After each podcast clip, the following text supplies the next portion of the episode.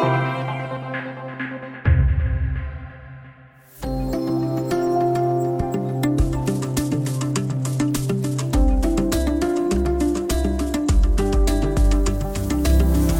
Danmark fälldes nyligen fem unga svenska män mot sitt nekande för dubbelmorden utanför Köpenhamn i juni förra året.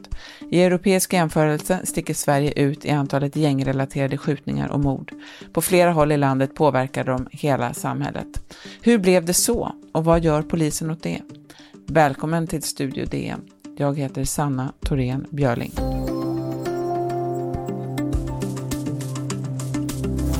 Ja, den yngsta av gärningsmännen var bara 17 år när morden begicks, den äldste 24. De två mördade var 21 och 23 år gamla. Morden i Herlev utanför Köpenhamn var kallsinnigt utförda och en del i en mångårig konflikt mellan två kriminella grupperingar, Dödspatrullen och Shottaz, med bas i södra Järva utanför Stockholm. Men bråket mellan Järvagängen är bara en konflikt. I Göteborg försöker personer med anknytning till olika familjer styra hela områden och på sju år har 200 personer dödats i gängrelaterade konflikter i Sverige. Vårt land utmärker sig också med fler sprängdåd än andra europeiska länder. Lasse Wierup, du är kriminalreporter på DN och har följt den organiserade brottsligheten i Sverige i många år och skrivit flera böcker i det ämnet. Hej! Hej! Du, konflikterna mellan gängen i Rinkeby, Järva här i Stockholm började ju med ett bråk om pengar efter ett rån för ungefär fem år sedan. Det handlade om ett par miljoner kronor. Det har sedan lett till sju mord och tre mordförsök sedan 2015. Eh, bara en person fram till den här domen nu då har fällts. Och det har varit ofta svårt att få tag på vittnen. Om man börjar så här, vad är det här för gäng? Eh, vilka är med i dem?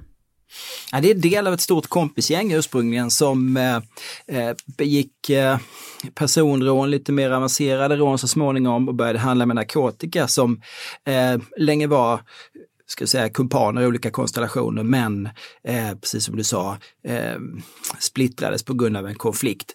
Och eh, två mord eh, blev ska säga, trauma i den här gruppen, eh, även i hela den svensk-somaliska gruppen som det då handlar om. Eh, man försökte på olika sätt gjuta olja på vågorna. Det såg ganska länge ut som att man hade gjort det, men året därpå, 2016, så inleddes en ny vårdspiral och trots att polisen har lagt stort tryck då på de här eh, gängmedlemmarna så har man inte lyckats stävja konflikten. Det har ju varit flera mord i Stockholm också på senare tid. Ehm, det var en person som avled efter en skjutning i Husby helt nyligen till exempel. Är de också kopplade till de här konflikterna? Ja och nej kan man väl säga. Den ena parten eh, i den här nya konflikten som det ser ut kan då vara Shottaz anknutna. Shottaz som eh, finns med i det här målet från eh, Köpenhamn då, eh, nämligen genom att de två offren tillhörde den grupperingen. Men det, det, går snabbt i den här världen eh, och lojaliteter byts eh, och, och, på de fem åren som har gått sedan eh, den ursprungliga konflikten eh, började så har nya konstellationer ehm, uppstått och nya konflikter och nya säga, ungtuppar som vill hävda sig. Så att det, det är inte alldeles tydligt ens för polisen som, som då har bra insyn i de här grupperna. Enligt polisen finns det ju ett 50-tal kriminella gäng bara i Stockholm och ett tiotal olika konflikter. Och några av de här gängen är liksom lite allierade och andra är fiender. En del pratar om att det här är liksom i termer av krig. Och då kan man ju fråga sig, vad, vad krigar man om? Vad, vad handlar det här om?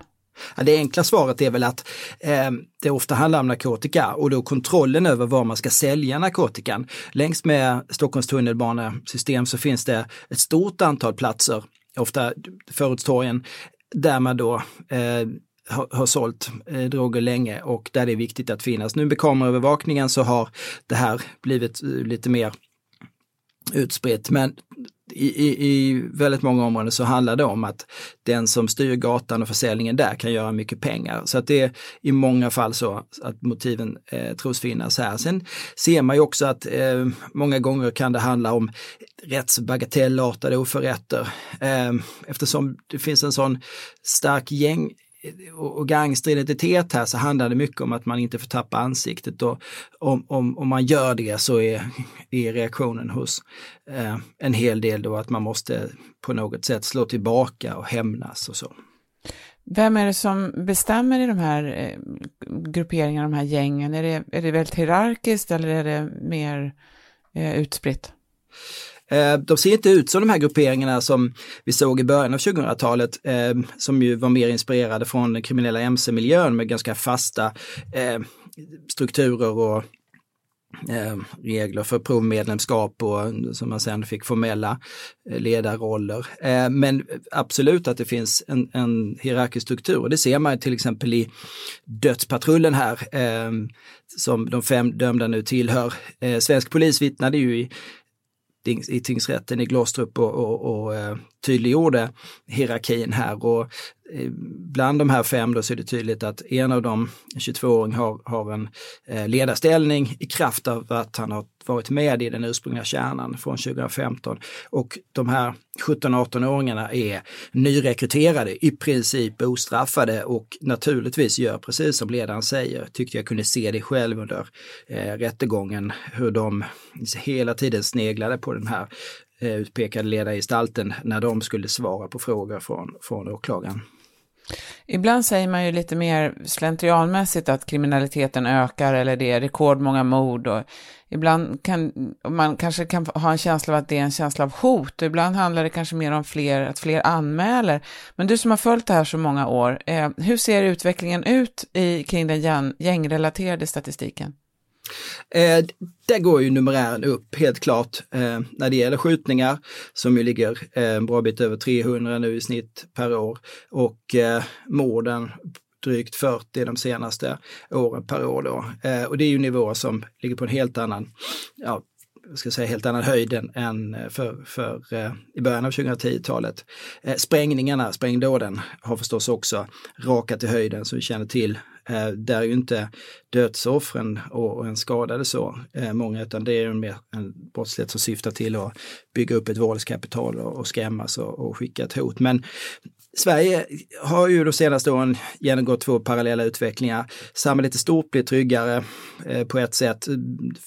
Eh, toleransen mot våld inom familjer och, och, eh, och så har, har, minskat i skolor och, och annat. Men medan kriminaliteten i de utsatta områdena eh, har helt klart blivit ett större problem. Vi ska strax prata mer om gängen.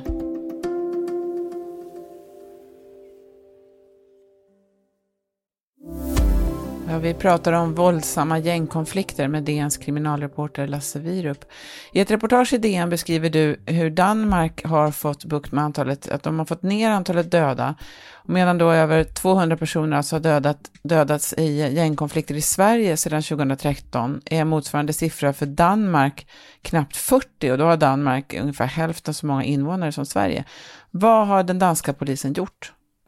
Ja, Danmark var ju länge skräckexempel i Skandinavien med gängkrig redan på 80-talet och så 90-talet och inom mc-miljön och så. Men eh, det man har gjort, inte framförallt kanske polisiärt utan politiskt, utan man har bestämt sig från den danska regeringens sida och, och jag har fått stöd också i Folketinget för en rad så kallade paket, bandepacke, där man då har på olika sätt eh, ska säga, minskat handlingsutrymmet för de kriminella eh, och eh, ökat kostnaden för den kriminella livsstilen och för de brotten som begås inom den. Eh, och det har ju handlat om dels naturligtvis man tror på att straff avskräcker kanske på ett annat sätt i Danmark än i Sverige och eh, fler och fler brott Eh, kan nu bestraffas dubbelt så hårt som ju faktiskt då eh, skett i den här rättegången i, i Glostrups tingsrätt med stöd av en särskild paragraf som tar fasta på att kriminalitet inom eh, gängmiljön eh, ser man extra allvarligt på. Men man har också gett polisen ökade möjligheter att eh, samla bevis och att faktiskt eh, undanhålla bevisning eh, i eh, för, för försvarare och misstänkta. Det finns undantagsvis eh, möjlighet att använda anonyma vittnesmål till exempel. Eh, så många av de åtgärder som vi fortfarande vänder och vrider på här, funderar över, de har man genomfört för ganska länge sedan i Danmark. I Göteborg, där det också finns olika typer av gängrelaterade konflikter, där har vi hört på sistone rapportering om vägspärrar och nätverk som sätter skräck liksom i hela bostadsområden. Där inledde man för några år sedan en ökad myndighetssamverkan, eh, där man också går in till exempel och strypa bidragsfusk och så. Eh, vilken effekt får det här? Eh, det får väl den effekten att eh, det blir lite svårare att leva ett vanligt liv. Eh, om man tillhör den här utpekade gruppen. Eh, och eh, Johanna Lerneby Bäckström som har skrivit boken Familjen om en av eh, de här grupperingarna vittnar ju om att man är ganska pressad om man drar in arbetslöshetsersättningar och bostadsbidrag och sånt här. Men det är ju svårt att se kanske att det får en sån tydlig effekt på våldet. Till syvende och sist så handlar kittet i de här mer klanbaserade, familjebaserade nätverken om blod, om släktskap eh, och att lämna där är ju, skulle jag nog ändå säga, svårare än i andra grupperingar kanske. Och är det då så att gruppen, familjen, släkten, klanen hotas, som det kanske ser ut som i det här fallet, så eh, ja, då förväntas man ställa upp. Just det. En viktig sak i det här som många pratar om är ju just nyrekryteringen eh, till de här gängen. Hur, hur ser den ut? Ja, den är ju den stora, det stora problemet. Um, och på något sätt så har den här nya generationens eh, gäng, vi pratar om 90-talister framförallt, men även de som är födda senare, lyckats eh, bygga upp en bild av att detta är en framgångsrik livsstil, inte minst genom sociala medier. Man glassar omkring på gatorna i Barcelona och Marbella och tar bilder av sig själv och visar guld och pengar och bilar och, och sådär. Eh, och det där gör, då får man säga tyvärr väldigt stort intryck på ganska många unga killar eh, som på något sätt då eh, ja, successivt dras in här och de här killarna behövs ju för att utföra saker och ting.